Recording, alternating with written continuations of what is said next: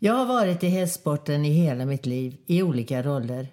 Från ridlärare, tävlingsryttare, avelsdomare, unghästutbildare till tränare, coach och förbundskapten på ett flertal OS. Jag är en riktig hästnörd. I den här podden kommer jag att intervjua personer som betyder och har betytt mycket för hästsporten. Jag heter Elisabeth Lundholm. Välkommen till min podd Hästfolk.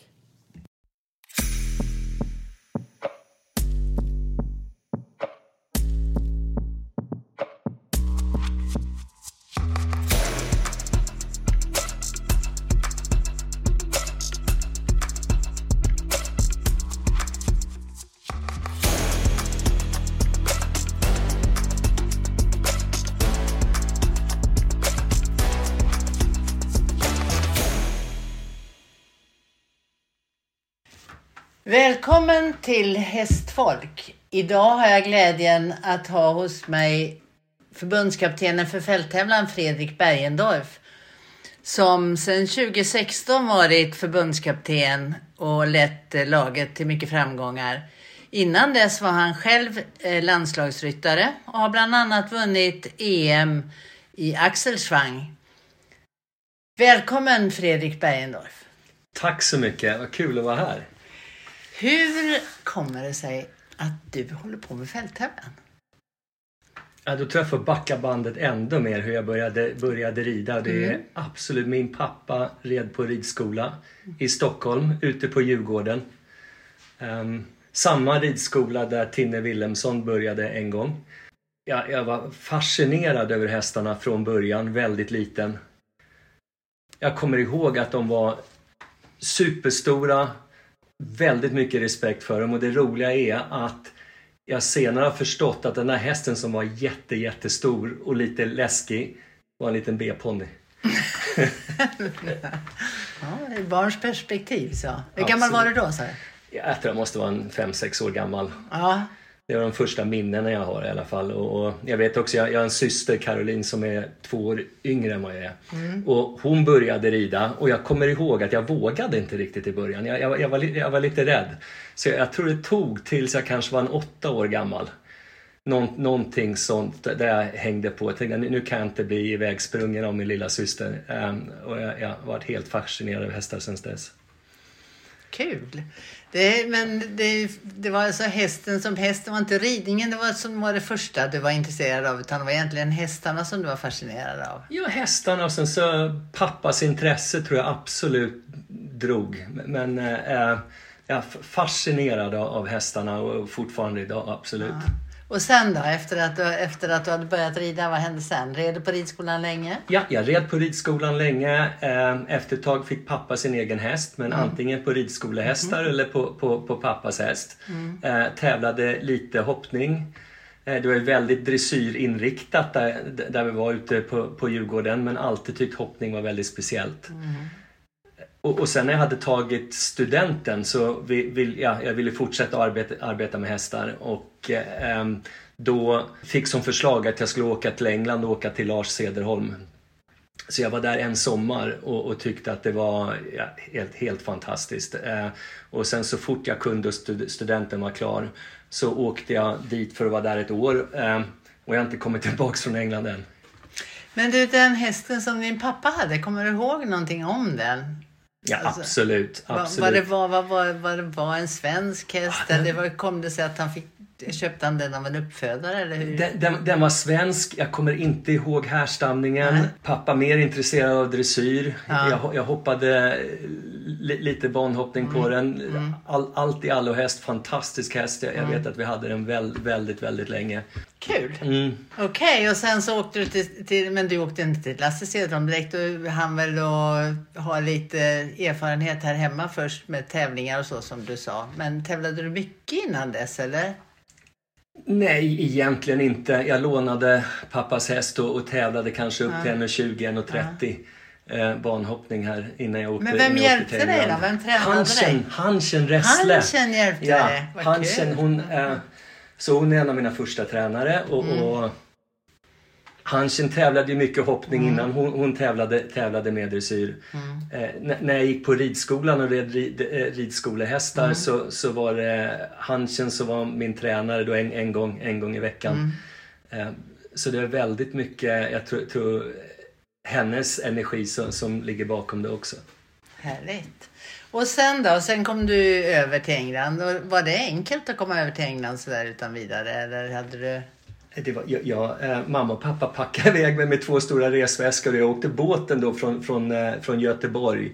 Så jag satt på ett eh, buss ifrån Stockholm ner till Göteborg och, och sen så båten 24 timmar till Harwich och sen så två olika tåg och sen så ett telefonnummer och, hem, och, och, och ringa någon och fråga om någon kunde kom, komma och hämta mig så, som, som de gjorde. Så, eh, det var en utflykt äventyr på ett annat sätt som det, som det kanske inte nu är. är, är men eh, det är också en annan ro, rolig historia för att eh, jag hade varit på Waterstock eh, sommaren innan och då bestämt mig att det är dit jag, jag vill åka och träna ja. ett år. Ja.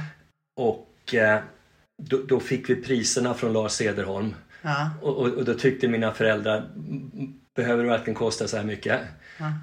så, så, så, så, kom Lars och min pappa och ordnade en deal. Eh, så, så, jag betalade inte, inte, inte mycket alls. Mm. Men eh, jag hjälpte Lars att tvätta hans bil och tvätta fönster istället för, för, för att betala. Um, och jag tror att nu, tänka tillbaks på det, mm. så är det absolut det bästa sättet att komma dit. Uh, för då var jag väldigt nära Lars hela tiden och, han var ju otrolig på att verkligen vilja lära ut, mm. vilja och han ansåg att jag ville, lära, ville lära mig. Uh, så, så uh, han är ju en legend. Absolut. Jag, jag, tyckte Lars, han, han, han förstod hästar. han var jätte, jätteduktig. Jag tror, det jag, jag, tror om, om, man ska ta en person, ja. Så är inte riktigt livet, men om man tar en person mm. så tror jag det är absolut Lars som har påverkat, påverkat mig mest. mest. Mm. Ja, för det är ju, det är ju så, det är så beroende på vilken tid man kommer dit, hur mycket man kan och vad man får med sig och så. Så det är ju häftigt. Mm. Eh, när du var där, vad tycker du, hur, lång tid var du där totalt egentligen? Jag var där två, tre år till att börja med. Mm. Och sen så kom jag tillbaka dit mm. igen. Så jag varit där i två omgångar. Vad gjorde du mellan det? Jag var hos Mark Todd som, som, eh, och, och, eh, som och tävlade hans hästar och tränade dem hemma. Ja, okay. jag, jag, jag, tror om man, om man vill ha ett jobb i fälttävlan så var nog det det bästa som fanns just då. Inte dåliga namn. Mm. Men eh, när du, vad, vad, tycker du om du tänker på hur en dag kunde se ut hos eh, Lasse Cederholm? Vad, vad, när du väl när du kommit så långt så att du inte bara behövde putsa fönster utan red också? Nej, jag tror inte du bara behövde det. Vad som var bra, jag fick rida hela tiden. Ja, och, och, gradvis putsa fönster och tvätta mm. bilar blev utbytt mot att trä, mm. träna hans elever. Mm. Um, så, så, så, det gick, och då såg väl en dag ut att vi, vi gick upp på började klock, klockan sju på morgonen väldigt strikt. Mm. Eh, men på ett bra sätt. Mm. Eh, det, det, var en stor gård, ganska tungrodd gård. Mm. Mycket att sopa, mycket att ta hand om, mycket utomhus. Mm. Eh, men jag tror man verkligen fick, fick, lära sig att hålla tider, man fick lära sig att se ren och snygg och proper ut och, och prata med kunder på ett, på, på ett sätt. Och jag tror jag jag tror jag lärde mig väldigt mycket av, av allt det. Jag tror till och med, Lars, jag kommer ihåg honom till och med säga att använd mina kunder för att och, och, och, träna på det. På en, en dag har du dina egna kunder. Träna var trevligt. Träna och ja, ta, ta kontakt. Vilken bra, fantastisk skola. Absolut. Och sen så, när vi var där, Yogi Breisner som nu hjälp, ja. är tillbaks här i Sverige. Eh, han var ju huvudtränare där också. Mm. Eh, så det var ju så det var en fantastisk tid att vara där. Ja, det förstår jag. När ungefär var detta i års, årtal? 87 till 90 ungefär. Ja, fantastiskt. Vad var det för i sporten, om jag ser så, är det någonting av det som gjordes då? När man tränar hästar som, som du tänker på mycket nu att eh, man kanske inte gör på samma sätt nu men som var fantastiskt som du egentligen skulle se att varför gör vi inte så nu? jag tror ibland gör vi så. Jag, jag, verkligen tycker om idén att i och med att Lars var, kom från fälttävlan, mm. även ha, om han tränade många banhoppningsryttare mm. också, så blev det ju väldigt naturligt den allsidiga träningen av hästen. Mm. Och också för att vi var där och lära oss. Då var vi tvungna att lära oss att ute och galoppera. Var lära oss att och, och rida över fälttävlanshinder. Vi var lä- lära oss att och, och rida dressyr. Markarbete, sittsträning väldigt mycket. Eh, jag- tror att jag kommer, jag kommer ihåg att eh, efter jag varit där i sex månader och mina ridkompisar från Sverige undrade vad jag hade gjort för någonting eller, och hur långt jag hade kommit. Och, och, och när jag tänkte efter då, så jag, jag tror jag tränade hörnpasseringar och, och tränade att gå rakt upp på medellinjen. Och, och jag tror det nästan var det enda jag gjorde i, i, i sex månader. Eh, och, och de, han gick ner i, i så detalj och det om och om igen. Och, men, men jag tror alltid med, med inspirera med historier och varför och vad han hade sett. Och, så det kändes alltid värt att för, försöka Ja. trava, göra en hörnpassering lite bättre. Komma upp på, på medellinjen li, li, lite rakare. Härligt, tycker Mm. jag. Alltså, vilken värdefull, det måste ha varit en ver verkligt värdefull tid. Nu så ser man ju Otroligt. Ja. absolut så. N- när, när man är, är 18-19 år gammal Mm. så, så vad som drar är att tävla, vinna, hoppa Mm. höga hinder och den biten. Nu när jag tittar tillbaks på Mm. det, ju- just den där basbiten av att bli long, longerad för att träna sitsen. Mm. Riktiga basbitar när det kommer till, till markarbetet. Det är jag väldigt tacksam för nu. Det är väl det som är härligt med erfarenheten att sen man tänker tillbaka så, så kan du, så känner man det där. Just då är man kanske så mitt i det. Man behöver smälta det lite längre fram och man kanske kommer tillbaka till det hela tiden. Fantastiskt. Jag tror man behöver smälta det men också så tror jag också om- om man reflekterar tillbaks. Jag, jag har förståelse för de unga ryttarna nu som de vill tävla större klasser, Ja. de vill vi- vinna mer, de vill... Och när, när jag försöker säga att eh, få, få basbitarna på plats, det är det som kommer få det att bli bra en dag. Jag förstår hur tråkigt det kan låta. Även om jag vet att det är den vägen som... Ja, det är den enda vägen jag vet. Precis, det är väl, den, det, är väl den, det där med basic. Mm.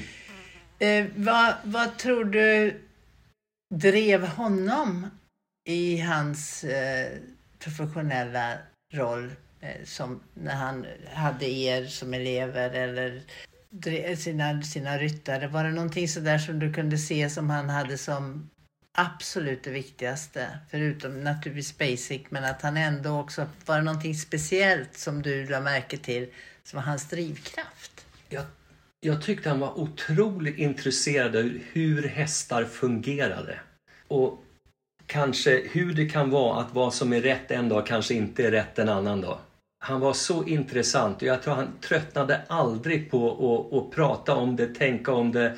Och han, jag vet att han älskade så fort det kom in någon som hade kanske kunde lite mer och, och bolla fram och tillbaka med deras syn på hästar och mot, mot hans egen. Jag tror han tröttnade aldrig på, på den biten. Så jag, jag tror det är ett riktigt genuint intresse hur, hur, hur, hur, hästen, hur hästen fungerade. Och sen eh, och lära ut tror jag också var en av hans pe- personer. Jag kände verkligen att så fort han träffade en person so- som ville lära sig så också ty- tyckte jag han fick väldigt mycket energi. Eh, och det var ju precis det jag ville när jag var där. Jag tycker det är så fascinerande att tänka, var kom han själv ifrån? Hade han tävlat? Det, det vet jag faktiskt inte. Hade han, eh, han flyttade härifrån Sverige till England, men tävlade han mycket själv? Eller vad fick Han han tävlar sin- mycket, Ja. mycket fälttävlan själv. Mm. Eh, han vann engelska mästerskapen i fälttävlan tre gånger i, tre gånger i rad. Wow. Eh, han var han var mm, hästskötare för Sansyr. Mm. Som var en, en av Sveriges absolut främsta dressyrryttare. Absolut. Och jag tror att England på den tiden vad Lars kunde var att förstå hur en häst fungerar och kunna rida hästen på, på marken, så, så den, som vi kallar det, gick, gick på tygen. Som inte var så vanligt i England på den tiden. Så, så det, och sen så tror jag Lars har ett väldigt bra sätt på, på att säl, sälja saker. Ehm, så det, där tror jag han fick framgång. Fantastiskt. Vad Roligt att höra om honom. Och när du sen var färdig där så att säga, så vad, vad gjorde du då? Jag visste att den killen som red för Mark Todd skulle åka tillbaka till Nya Zeeland. Så jag skrev Mark Todd ett brev och undrade om han behövde en ny, ny work rider. Jag fick komma och provrida en dag. Det tyckte jag var, det, det, det, det var ganska läskigt. Jag fick det, Mark satt, satt, satt och red på en häst och hoppade han av. Först tittade jag på när han red den ett tag. Och sa, vad tycker du om den här? Vad ska, ska jag säga då? Det var hans häst. Eh, och sen så red jag den på marken, hoppade lite grann och sen så två dagar senare så ringde de upp och sa att jag fick jobbet. Så det var... Ibland måste man vara på rätt ställe på rätt tid och jag tror jag var det där. Absolut. Och du hade så gedigen grund också naturligtvis och kunskap så att det var därför du fick det naturligtvis. Jag, jag tror, jag, jag, jag kommer ihåg från, från Sverige innan jag åkte till England. Min familj har alltid stöttat mig otroligt bra mentalt. Men, men det har aldrig varit många hästar, många lastbilar, många tävlingar och, och, den, och den biten. Och det var alltid den tiden där man tänkte ah, var, varför, kunde inte, varför kunde inte jag ha alla de där hästarna och, och, så, sådana saker. Men eh, Det kanske ökade din drivkraft istället. Jo, men det ökar ju drivkraften ab abs absolut för att sen kom komma dit. Och jag vet också att, ja, det var faktiskt Lars Cederholm som, sa att det, det bästa du kan göra är att se till att du inte har en flickvän, en hund eller en häst. Då med all den energin du kan komma långt. för då är det ingenting som tar, tar bort fokus från, från vad, vad du gör för någonting. Och det kanske inte är rätt för alla men, men eh, det fungerade bra då. Och när man åker och får ett jobb sådär så kanske det också underlättar. Det var kanske det han också tänkte på. Ja, ja och, och det, just det, precis. Det, det var det jag tänkte på. Jag, jag tror det alltid finns i livet, om man vet vad man vill för någonting, så finns det forks in the road, opportunities. Så du måste välja, ska jag gå vänster eller höger? Och, och det har jag alltid haft som en, en av mina saker som jag tänker på. Även om jag kanske inte har allt vad jag kan nu. Eh, Jag skulle önska att vi hade ändå bättre hästar i svenska landslaget till, till exempel. Men om det är det jag vill så det, kom, det kommer alltid, det, om man tänker på det, det är en person som ah, nu ska jag prata med den för att. Eller, så just det här med folks in the road, du kan fortfarande välja var du ska gå. Så bara du håller i länge nog så kommer du dit du vill ändå. Möjligheten finns alltid Ja. om du riktigt tror på den. Men den passionen och det som du måste ha haft och som du har naturligtvis fortfarande. Den har naturligtvis lett dig till det. Men var det tidigt? Hur tidigt bestämde du dig för att du skulle göra det? Jag kan tänka mig, hade dina föräldrar inga synpunkter på att du inte eh, blev akademiker av något slag? Eller? De, De är ju, he, hela min familj är akademiker. Min, min, min syster har lyckats att inte vara det men annars så är, vi, är, är, det, är det så i hela släkten. Jag tror min far såg att det var någonting jag tyckte var roligt. Jag vet också när han var liten, han ville bli, eh, bygga båtar. Och, och eh, min farfar då sa att eh, så, det, så, så tjänar man inga pengar. Så jag, det är också möjligt att han såg någonting där, att, att det var någonting jag ville. Eller så kanske det bara var så att han förstod hur dålig jag var i skolan så det kanske inte var så farligt. så, så dåligt eh, än- ändå. Nej, så jag, jag tror de har alltid stöttat vad, vad, vi, vad vi har velat att göra. Härligt.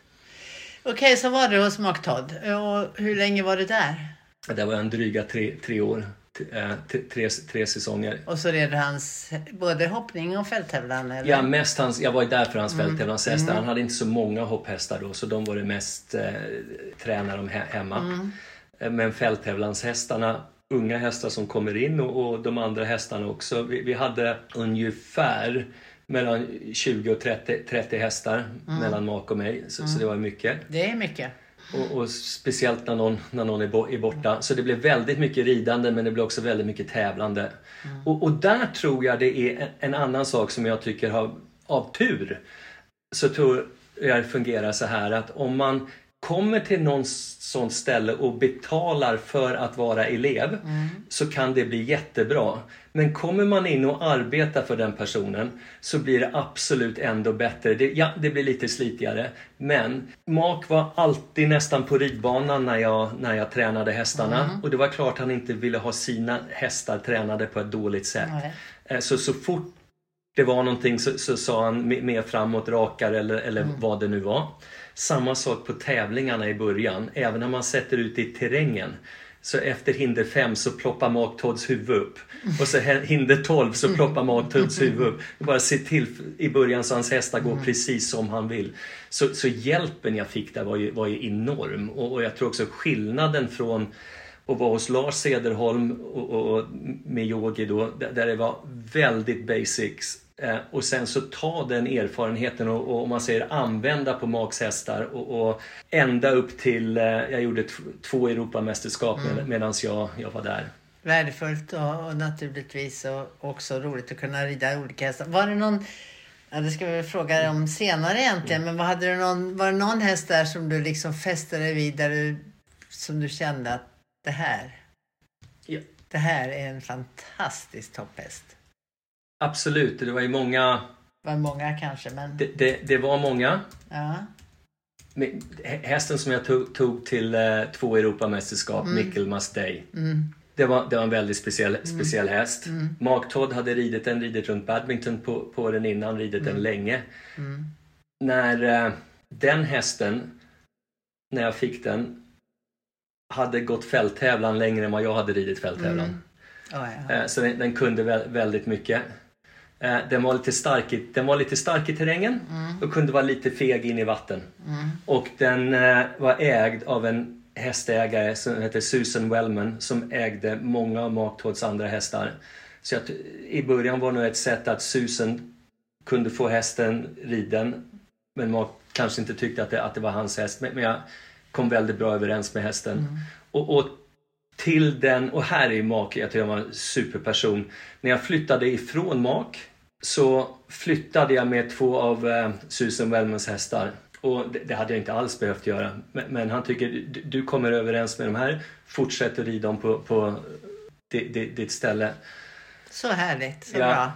Det är professionellt. Ja, ja absolut, jag, jag, tyckte det var jättestort. Det också betydde att, att jag fick en, en, en början när jag satte upp på mig, start mm. när jag när jag, när jag började att driva mitt eget företag. Var, när du började med ditt eget företag, var någonstans i England höll du hus då? Det fungerade jättebra, för till att börja med så flyttade jag tillbaks till Lars Cederholm. Men istället för att vara där och arbeta så, så hyrde jag ett visst antal stall och, och gjorde min egen sak därifrån. Eh, det fungerade jätte, jättebra. Och sen så, så småningom så köpte vi där vi bor nu som är en eh, 40 minuter norr om Oxford. Men den, den tiden då när du började starta upp ditt eget, vad är vi då ungefär i, vilket år var det? Då kan vi väl vara eh, 95. Mm. Och då hade du, många hästar hade du då som du red åt andra människor och som du tränade ja, det, och så vidare? Det kunde vara mycket och det var som på Waterstock där Lars var. Det var så mm. mycket som hände. Ja. Så, så det, det, det, var alltid någon som behövde en lektion. Mm. Det var alltid någon som behövde en hästriden. Det var alltid någon som behövde antingen sälja eller köpa en häst. Mm. Så det var ett väldigt bra sätt att mm. få, få lite ruljans på, sin, på min, min, egen business. Mm. När du under tiden som du gjorde allt det här, hann du med någonting annat? Det frågar min fru mig fortfarande. om jag hinner med något annat. Men jag träffade faktiskt henne under ja. den här tiden. Ja, det var ju, du hade någon tid över. Ja, så jag hade någon tid över. Ja. ja eh, jag, jag, träffade Emma eh, och vi är fortfarande tillsammans. Mm. Och hur, då, hon måste ha varit på samma plats som du då eftersom du inte hade tid att flyt, förflytta dig så ofta. Nej, ab, ab, absolut. Mm. Så hon arbetade på samma gård som där Mark Todd hade sina hästar. Det var så vi träffades. Ja, det var ju tur att annars hade vi kanske inte hunnit om det var längre avstånd. Ja, Nej, det är härligt. möjligt. Ja. ja, det är härligt. Jag tänker, om du tittar på sporten som den var då och som den är nu, då är ju fortfarande det här med, det var ju steeple och steeplechase också och det var ju, den var ju uppbyggd på olika sätt. Hur, hur tycker du att det har, eller rättare sagt, du kanske ska berätta först hur det var då jämfört med nu? För de som inte riktigt vet. Sport, sporten som den var då. Mm. Största skillnaden med, med steeplechase och roads and tracks. Mm. Eh, all den endurance som vi hade innan vi gick ut i, ut i terrängen. Mm. Betydde ju att en topphäst kunde inte tävla så ofta. Mm. Eh, det betyder att man otroligt eh, mycket energi gick in för, för, att hästarna skulle ha den konditionen för, för, för att orka. Om vi säger exempelvis då så gick den sin dressyr först som, som den gör nu. Ja, Sen gick den ut på Den- och gick på landsväg eller på väg en distans. en, en distans, en, en, en 3-4 kilometer. Och s- sen så kom, 5-6 kilometer, förlåt det var så länge sedan så jag glömt bort.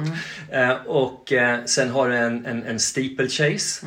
Um, I vilket tempo det är? 3-4 minuter som man red i 690 meter i minuten. Så, så här, trekvarts tempo kallar vi det för. Men det gick, eh, det, det gick snabbt. Eh, och, och, och sen så ut på en ändå längre roads and tracks efter det innan man kom tillbaks och sen skulle börja sin Terräng. vad vi nu kallar för, för den sista, sista terrängbiten. Så, så det var ju otroligt test för hästarna. För jag tänker på steeplechasen, hur många häckar var det ungefär? Ja, det var 68. Ja. Och sen så gick ni ut och så gick du ett antal kilometer till. Ja, Och sen kom ni in till eh, terrängen. Var tio minuters paus eller? 10 minuters paus, det står en veterinär och kollar att allting är okej. Eh, lite snabb debrief fr- från någon där inne och se hur det har gått ute i terrängen. Och så hoppa upp på hästen och så ut, ut i terrängen. Eh, 10 till 12 minuter lite grann beroende på vilken nivå av tävling det var. Mm, precis. Och då var det också ett antal språng som var ganska många hinder. Ja, absolut. Alltså vad, vad hade du 20, 20 hinder men kanske 40 språng eller något sånt? Men jag, jag tror så här att på den tiden Ja. det var längre mellan hindren ute på terrängen. Det, Okej. var lä- det var lättare att komma in i en rytm mellan hindren.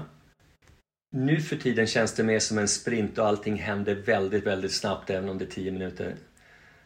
Man hade nu för tiden om, om du är sen ut efter en minut, två minuter. Det är väldigt svårt att ta in tiden igen. Vi som red fälttävlan för länge sedan, vi kunde gå ut i terrängen och komma in i en rytm och känna att det är okej och om man är lite långsam kan man gradvis ta in det under tävlingen. Det är en, en stor skillnad. Den andra skillnaden som jag ser, roads and tracks, ja, jag kanske inte behöver det så mycket nu om jag, om jag har fått vä- välja. Men jag tror steeplechasen gjorde att vi lärde oss att, att, att möta hinder framåt. Och, och, och det är en sak som jag saknar i, i, i dagens fälttävlan. Jag vet inte hur det skulle passa in. Men vi fick det gratis med steeplechase-hinderna. Vi tränade automatiskt på att, att möta hinder medan vi red framåt. Nu är det absolut någonting extra som vi får träna och lära oss och, och det är lätt tycker jag med de mera tekniska banorna att om man inte är väldigt duktig att, att man kommer lite bakåt i ridningen ibland.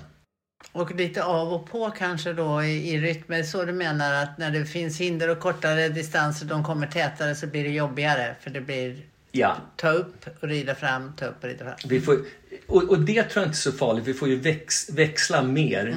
Eh, vi har mycket mer att göra ute i terrängen. Eh, Hinder är mycket smalare än, än, än de, de var när, när jag red. Kanske inte lika läskiga, men mycket smalare. Så, att, att tekniken måste absolut vara mycket bättre än fälttävlansryttare idag.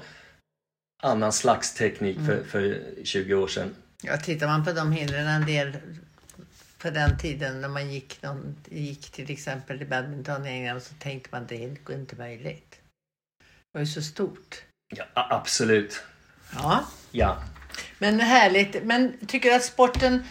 Du, jag förstår vad du säger när du säger det här med att möta hindren i, i tempo och, och det här. Så att, det tror jag man kan förstå om man lyssnar på, på det nu. Men om du beskriver en gång för de som lyssnar hur det ser ut på till exempel ett EM, VM eller ett OS. Vad är det för distanser? Vad är det för tempo?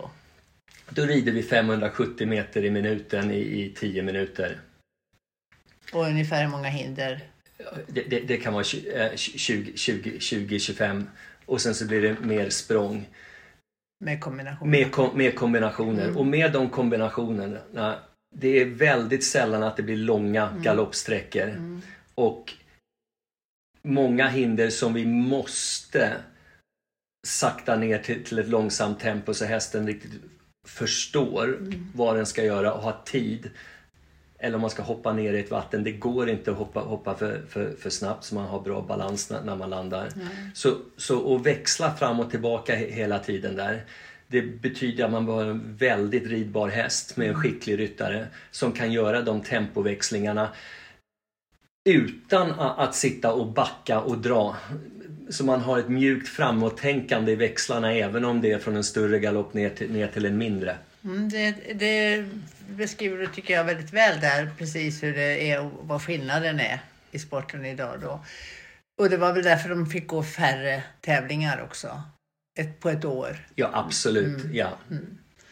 Eh, om du ser, vad skulle, vad skulle du önska utav eh, vad skulle du önska utav sporten idag? Jag tror det är viktigt att vi fortsätter med vårt säkerhetstänk. Mm. Vi vill inte se hästar eller ryttare på, no på något sätt skadas. Jag tror det är jätte, jätteviktigt. Mm. Sen så tror jag man får vara försiktig med hur vi gör det. Mm. För jag tror det är, jag skulle inte vilja ha det som en snabb banhoppningsrunda. Nej. Eh, jag tycker det är viktigt att man håller kvar ett sätt att rida terräng som man rider framåt i, i terrängen. Man, man, rider med positiv anda. Jag tror det är ett väldigt bra säkert sätt att, att, att rida terräng. Så när vi gör våra säkerhetsåtgärder så det inte blir alldeles för mycket att man måste bara sakta ner och backa in i saker. Utan att det känns okej okay att flyta på över lite, lite stora hinder. Man, man, känner att man behöver lite grann attackera för, för, för att det ska fungera. Jag, jag tror det leder till väldigt bra säker terrängridning och det är inte en lätt fråga att få den balansen rätt tror jag. Men det, det känns viktigt för mig. Men jag förstår, förstår där, det du säger, om jag förstår det hela rätt då, så egentligen så skulle man, att det mera är en terräng som är mer naturlig. Ja. Jag tänker på att det är mycket lådor nu och så, man får uttrycka sig lite vanvördigt så kanske man kan säga att det, det är i alla fall lite karaktären av det ibland. Är det en nackdel tycker du? Eller är det någonting som är tvunget att vara så? Där det är inte så mycket eh, hinder i naturen. I England är det väl annorlunda. Där är mycket hinder i naturen, som finns i naturen. Här kanske man måste använda marken på ett annat sätt och ställa dit en del hinder på vissa platser. Är det så eller? Ja, absolut. Och jag tror de bästa terrängbanorna för mig är när marken är kuperad. Mm. Det är ingenting som visar bra terrängridning mer än att gå li, lite upp och ner mot hinder och, och emellan. Och de banorna där du har många fasta hinder, mm. där du har en banbyggare som kan se vad som händer under tävlingen mm. och sen har ett helt år på sig att tänka jag kanske ska flytta ett hinder lite grann, jag kanske ska göra en, en, en fråga till någon annanstans, kanske ändra om någonting. Mm vad det blir svårt för banbyggare när man kommer in i en, i en situation där, där, du bygger upp en hel bana på bara tre veckor, tre veckor innan. Det behövs ibland och, och, och, det är bättre än att kanske inte ha en tävling alls. Så jag säger inte att det inte har sin plats. Nej. Men det gör en stor skillnad de banorna vi kommer till.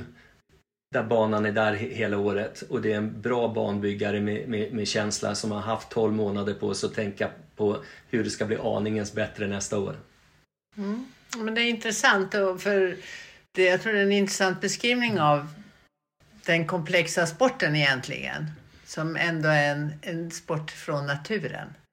Ja, och det, jag, tror, jag, jag, tror, jag tror man ska bort från för mycket eh, reklamskyltar på hinder och måla hinder i, i, i sponsorfärger och sådana saker. Sponsorer är jätteviktiga för oss. Eh, men, men vid sidan var hindren lite grann som du sa Bettan, naturliga hinder för mm. hästar. Hästar har inte ändrat sig. Jag, jag, tror desto mer, jag, jag, tror de hoppar naturliga hinder väldigt bra. Det tror jag också. Eller det, det är sånt man tänker att det skulle kunna vara på ett, på ett bra sätt. Vi var inne på det här med olika banor och olika, vad sporten har förändrat sig eller inte. Är det någonting annat som du tänker på? Om du, nu har vi pratat mycket om banor och, och platser och så. Vad är viktigt, tycker du, för en fälttävlanshäst? Hur ser en, en fälttävlanshäst ut? Vad ska den ha för egenskaper? Som jag ser det, som oberoende vad du gör med, med en häst, om det är dressyr, hoppning eller fälttävlan. Mm. Hel, mm. sund häst, ridbar mm. häst. Mm. Sen om det är en tävlingshäst mm. så måste den vara atletisk. Mm. Där tror jag, de, de tre sakerna oberoende vad, vad, vad vi, vilken inriktning vi, vi vill ha. Sen med en fälttävlanshäst. Jag tycker det är jätteviktigt att det är visst antal fullblod i hästen så det är en lätt häst. Den har lätt att galoppera. Ja, vi kan få de flesta hästar att galoppera snabbt nog. Men om de inte gör det på ett lätt sätt, det, det, det sliter. Eh, så en häst som galopperar på ett väldigt lätt sätt är, är jätteviktigt. Sen absolut, hoppningen blir svårare, dressyren blir svårare. Men vi måste ha riktigt fina hästar. Jag tror vi har många fina hästar i Sverige. Jag tror må många fina unga hopphästar som har tillräckligt med blod och rör sig bra nog är fantastiska fälttävlanshästprojekt. Mm. Ja, det är ju mer rena gångarter så att säga och, och så. Men är hoppningen är ju så himla viktig om den nu fortfarande ska ligga sista dagen på, på fälttävlan. Kommer den att göra det eller kommer hoppningen någon gång att ändras så terrängen är sista dagen? Inte på de långa tävlingarna, de viktiga mästerskapen ja. så kan jag inte se att den ändrar sig. Jag tycker för de, om man säger träningstävlingarna, de korta tävlingarna vi har emellan, absolut bra att ha terrängen sist. Mm. Men just då på de mästerskapen när det gäller, jag, jag tror det är, är, kvar som det är. Men jag kan jag, också, jag tror att banhoppningen, den är svår. Jag tror inte den kommer bli lättare. Jag kan till och med säga att, att det blir ändå högre för att se till att det blir svår, svårt mm. nog.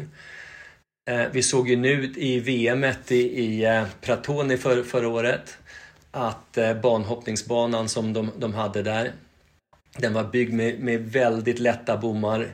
Inte, inte mycket att och, och rida emot. Mm. Det verkligen börjar se ut mm. som en riktig hoppbana, bara inte så högt naturligtvis. Så jag kan se att det går åt det hållet, så jag tror vi behöver väldigt bra... Jo, det, vi behöver bra hästar. Det, det var länge sedan man kunde säga att den här hästen är inte bra nog som hopphäst så då kan den bli en fälttävlanshäst. Ja. Eh, vi behöver riktigt fina hästar. De behöver inte bara kunna hoppa riktigt så stort som en eh, hopphäst behöver naturligtvis.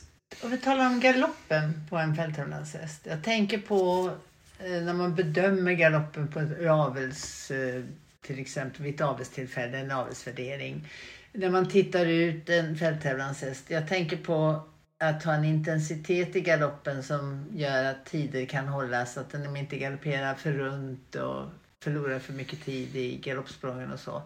Vad, vad, är det, vad tänker du när du ser en, en häst galoppera? Vad, vad, vad tycker du om att se?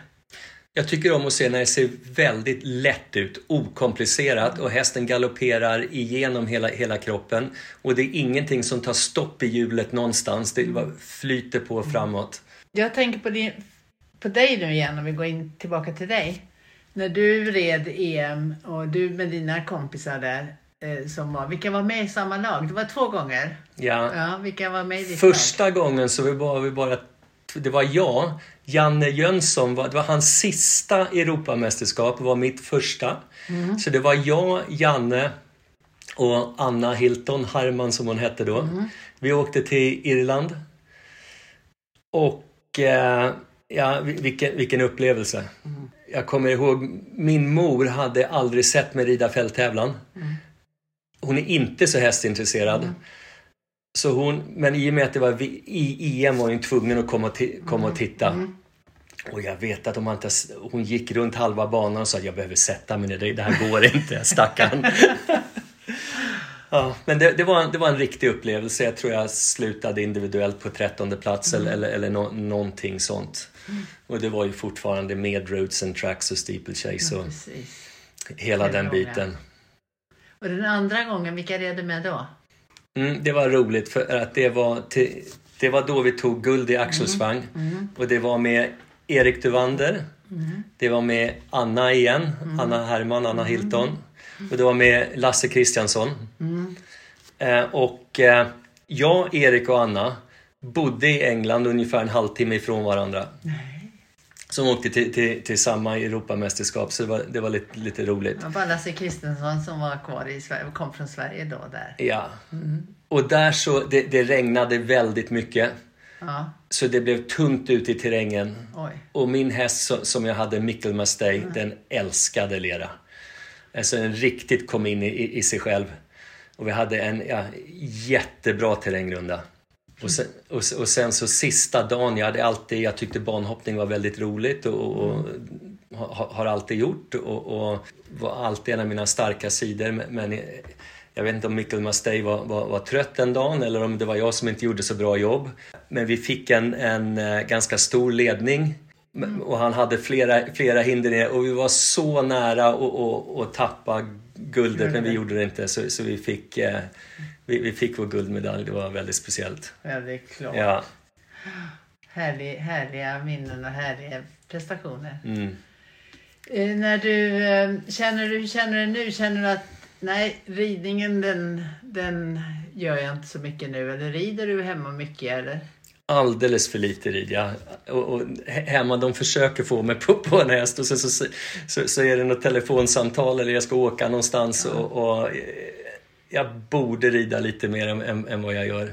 Men jag, jag, tycker det är svårt att göra en plan, någon satsning med någon häst. Det är alldeles för mycket åt tränarhållet mm. av bra anledningar. Mm. Eh, jag har alltid haft svårt att göra för många olika saker. Jag tänker om jag verkligen fokuserar på en sak så hänger inte de andra med lite grann. Så jag kände att jag verkligen behövde välja, välja vad jag gör för någonting. När, nu då, om du sett, vi går till din roll som förbundskapten. Vad, vad tycker du, vad har du med dig fram emot? Vad ser du att med den erfarenheten jag har fått nu under de här åren så har jag plockat ut några saker som jag tycker är särskilt viktiga med satsningen mot EM först och sen mot OS. Det är snart, det är OS igen. Ja, de kommer, det kommer det jättesnabbt. Fort. Jättesnabbt. Ja. ja. Vikten, att, vikten att hålla ihop ett lag på, på ett bra sätt och, och, och, vikten att kunna lyssna och förstå eh, både vad folk säger och kanske vad de in, inte säger. Eh, jag tror vikten att hjälpa till vad det be, behövs.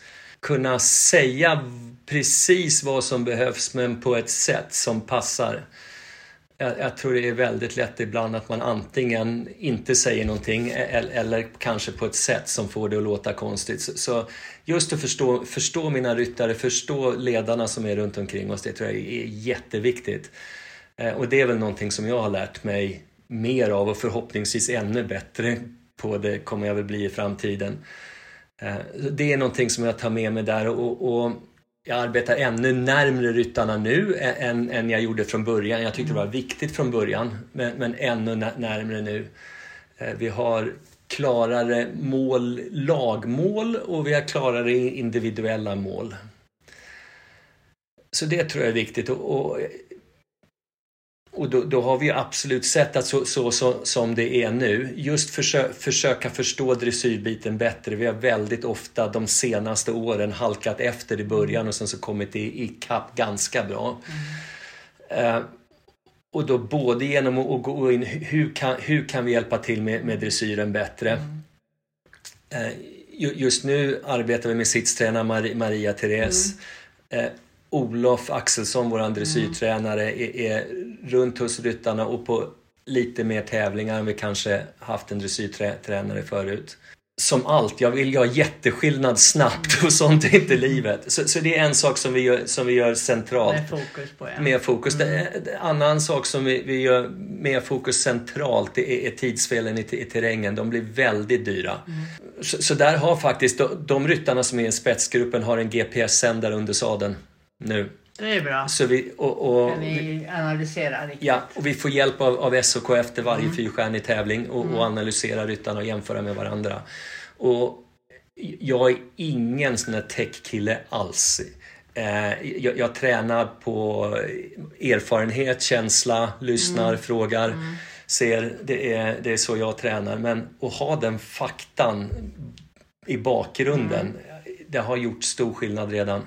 Det är klart, att se, kunna se det tydligt. Ja. Det här är det som händer. Ja, visst. Och gå tillbaks till laget där den tredje biten är se till att hästarna är, är så hela och friska som möjligt. Ja. Och, och, en sak som vi tänker på där är att förstå hästarna ändå bättre när de är friska mm. istället för att bara bli bättre på att hjälpa till när det är någonting som, som, som händer. Mm.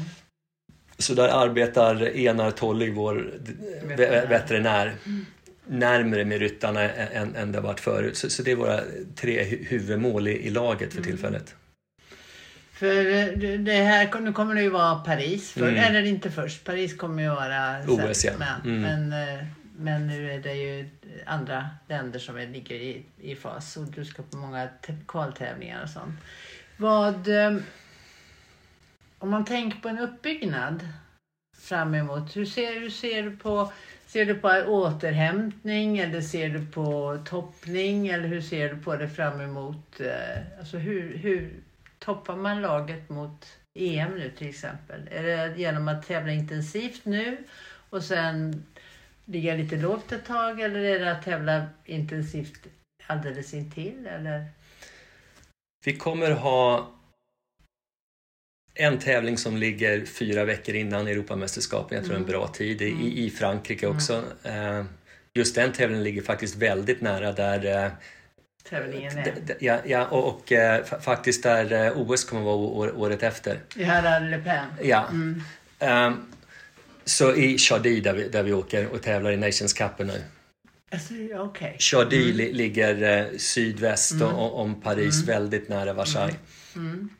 Eh, så, så dit åker vi med, med hela laget. Mm. En sak som vi tycker har hjälpt att flera gånger innan mm. åka med alla ledare, hela laget. Mm. Flera gånger innan vi kommer in till, till eh, nu Europamästerskapen. Det fungerade väldigt bra in till VM förra året. Mm. Det blev tre tävlingar på raken där det väldigt mycket kändes som man kom in till ett VM och gjorde samma sak en gång till. Så det är den känslan vi försöker få, få här igen.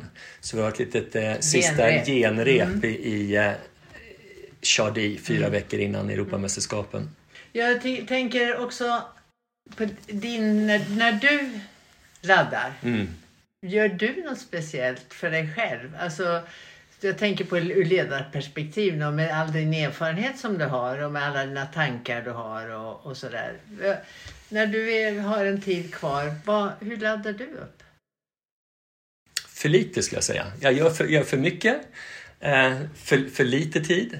Men eh, om jag har tid över så tycker jag om att spela tennis. Jag tycker mm. om att vara hemma med, med, med familjen. Mm också när man kommer nära in till, in till, in till en tävling eh, och vara mer och mer förberedd känns väldigt eh, skönt.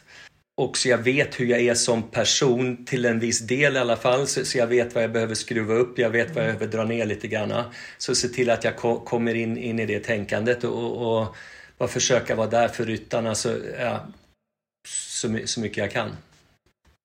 För det är ju naturligtvis, menar, det kan ju hända saker, man kan få stresspåslag och så vidare. Så därför är det så himla intressant. Men du är ju en lugn och balanserad person så att därför så tänkte jag att det kan ju vara väldigt roligt, som jag känner dig. Ja. Det kan vara roligt att höra hur, hur du tänker innan. Alltså hur, man gör ju på olika sätt. Jag är lugn utåt. Mm. Eh, jag tycker det är ett bra sätt för mig att kunna tänka klokt. Jag tänker ganska eh, jag reflekterar mm. ganska mycket. Mm. Nackdelen med det är ju att ibland kanske någon tror att jag inte riktigt är, inte riktigt är med. Uh, jag är inte riktigt inne och styr från, från, från början. Så, så det är någonting som jag måste tänka på. Jag måste, måste se till så jag verk, verkligen styr ifrån, ifrån början. Det, det gör jag, men, men, ibland kan jag bli lite tyst. Vad, vad ska vi göra nu? Men, men eh, jag tycker det, ja, det, det, det, är mitt, det är mitt sätt. Eh, så det vill mm. bara för, för, förklara hur det, hur, hur det är, men jag vet ändå vad, vad, jag behöver dra på lite grann för alla andra ska förstå att jag är med på båten jag med. Och det är ändå jag som, som på, på något sätt håller i rodret. I, i alla fall till, tills det kommer så långt att ryttarna börjar göra, göra sin sak. Mm, du ger ju dem också chansen naturligtvis att, att eh, känna att de också deltar i det hela. Så det låter väl som en härlig dynamik. Jo, men jag, jag, jag, tror det. Det är en ledare, jag ska inte säga vem det är, men, men hon sa att Fredrik, vad jag tycker om hos dig är att när jag tycker du är dum i huvudet så kan jag säga det och jag vet att du tar det. och, och, och, och, det var, jag tyckte det var så jäkla bra sagt. För, för då, då, vet jag ju, då kan vi göra någonting åt det. Mm. Uh, så, så, det är inte lätt. Jag försöker vara öppen. Jag, jag vet precis hur det blir så fort det drar ihop sig mot uttagning alla vill vara med, ens bästa kompisar blir lite ens fiender ett tag. Och sen så, det, det, det, är naturligt.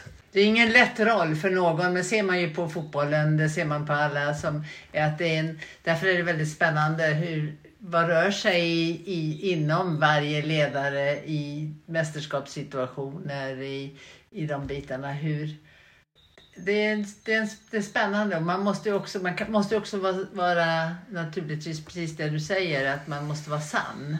Ja. Man måste vara, känna att, att det är jag. Absolut, det här är min grej, det här är mina värdegrunder. Ja, och, och, vad som är väldigt viktigt mm. om vi ska arbeta mm. tillsammans är att få tillit. Mm. Och, och, då måste jag vara ärlig och jag måste ge av mig själv. Mm. För, för tillit eh, byggs upp över tid. Det är ingenting som man bestämmer sig, ja, jag tror på dig. Mm. Eh, det är någonting som får bevisas över tid.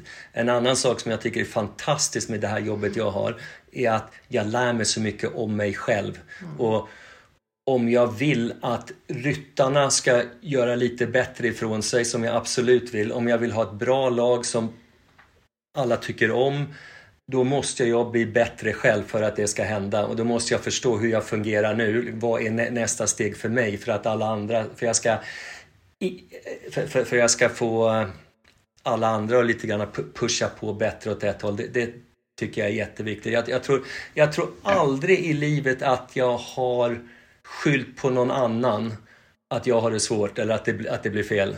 Situationen är som situationen är. Och sen så om jag vill ha den annorlunda, vad kan jag göra bättre för att få, få den så? Och så har jag tänkt he, hela tiden. Jag, jag, jag, tror ingen kan komma tillbaks till mig och sagt att jag har skyllt ifrån mig någon gång. Och det är väl en härlig sammanfattning av, av ledarskap och så som du ser det och som du känner det, tycker jag är, är, är väldigt viktigt att höra, alltså höra det du sa nu. Därför att det är ju så, så, är, det, är så det är att man måste också, man lär sig mycket om sig själv i alla sådana situationer. Man formar ju sig själv men för att få andra att kunna prestera. Så det, det, jag skulle sammanfatta det där jätte, jättebra. Och det var väldigt intressant. Om du inte hade gjort det här, vad skulle du ha gjort då? Har du någon gång gått och tänkt, men det där skulle jag kunna gjort? Ja, det har jag ju. Men jag har faktiskt mm. inte kommit på, på någonting. Jag tycker hästar är helt fascinerande. Mm. Och sen så, saker som jag är intresserad av är, är ofta saker som både är dyra och det är svårt att tjäna pengar på.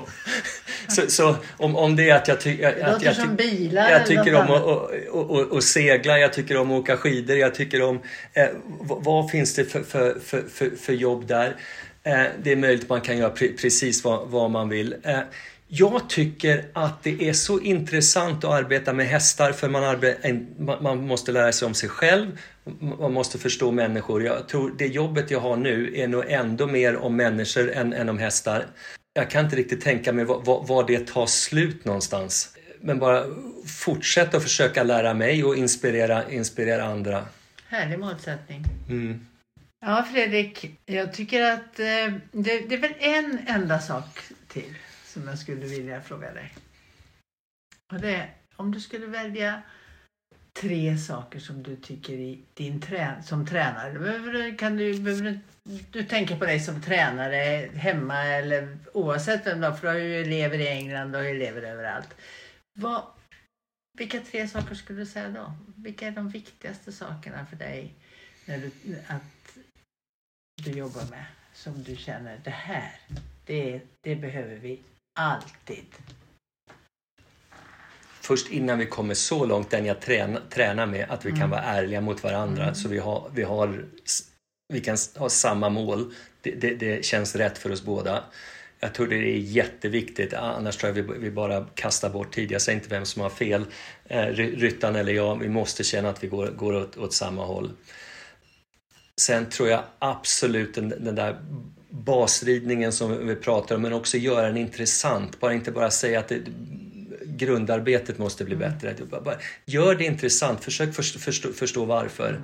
Det är nog en sak som jag tycker är jätteviktigt. Och, och, och, sen när jag, när jag tittar på andra tränare och jag jämför med mig själv och vad jag tycker är viktigt så en sak som kommer fram i min träning väldigt mycket, jag blir väldigt snabbt dragen till kvaliteten av galoppen i hästen. Det är galoppen vi använder för det, det, det mesta, mm. mesta vi gör.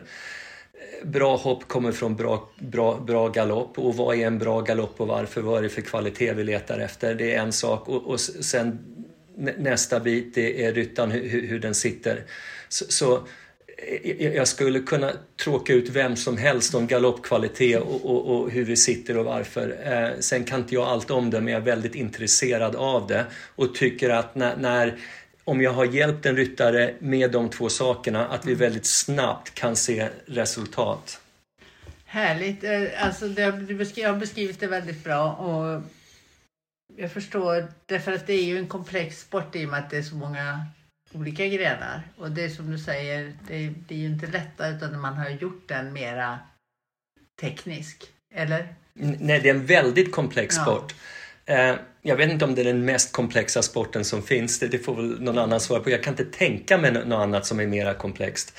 Att vi arbetar med ett djur och sen så lär både oss och hästen och rida dressyr på ändå en ganska hög nivå mm. och det vi gör ute i terrängen och så som vi behöver, behöver hoppa sista dagen och, och få allting att fungera. Men, men, det är otroligt hur fantastiskt det är när det fungerar. Och därför gäller det väl jätteviktigt att ha ett bollplank, ha en tränare. Mm. Så man verkligen, det, det, är så svårt att förstå sporten, men fantastisk sport.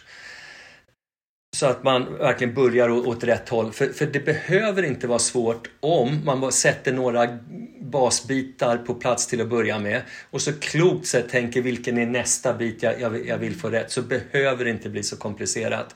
Jag tänker lite grann att det är precis så som vanlig allsidig träning borde vara för alla hästar. Mm. Men vad vi gör på toppen med våra bästa ryttare. Vi har skruvat, skruvat åt det till det absolut bästa vi kan. Mm. Men man kan ju också göra det lättare och det bara blir fantastisk eh, allmän träning för vilken häst som helst. Mm. Absolut, och, det här med allsidig träning och hästars hållbarhet det har man ju kommit fram till mer och mer. Det har ju alltid varit en sanning. Jag menar, det var ju därför som man pratade om remonter och annat för men nu har det ju kommit tillbaka. Att man verkligen säger det att som ung häst att den får göra en hel del saker. Och då är ju fälttävlans utbildningstrappa väldigt bra egentligen för alla unghästar att kunna få en bra grund. Jag tycker det är jättebra. Det, det, det speglar vad som, vad som händer i våra liv också med våra mm. barn. Vi vill att de, om de ska vara intresserade av sport, prova många olika mm. sporter, gör många olika saker. Mm. Även för de som ändå vill bli riktigt fokuserade på, på en sport och, och bli, bli, bli bra i den. Exakt. Tack snälla Fredrik för ett intressant samtal. Tack Bettan, det var jättekul att vara här och prata med dig. Roligt. Tack så jättemycket. Och lycka till nu på alla tävlingar, allting. Tack så mycket.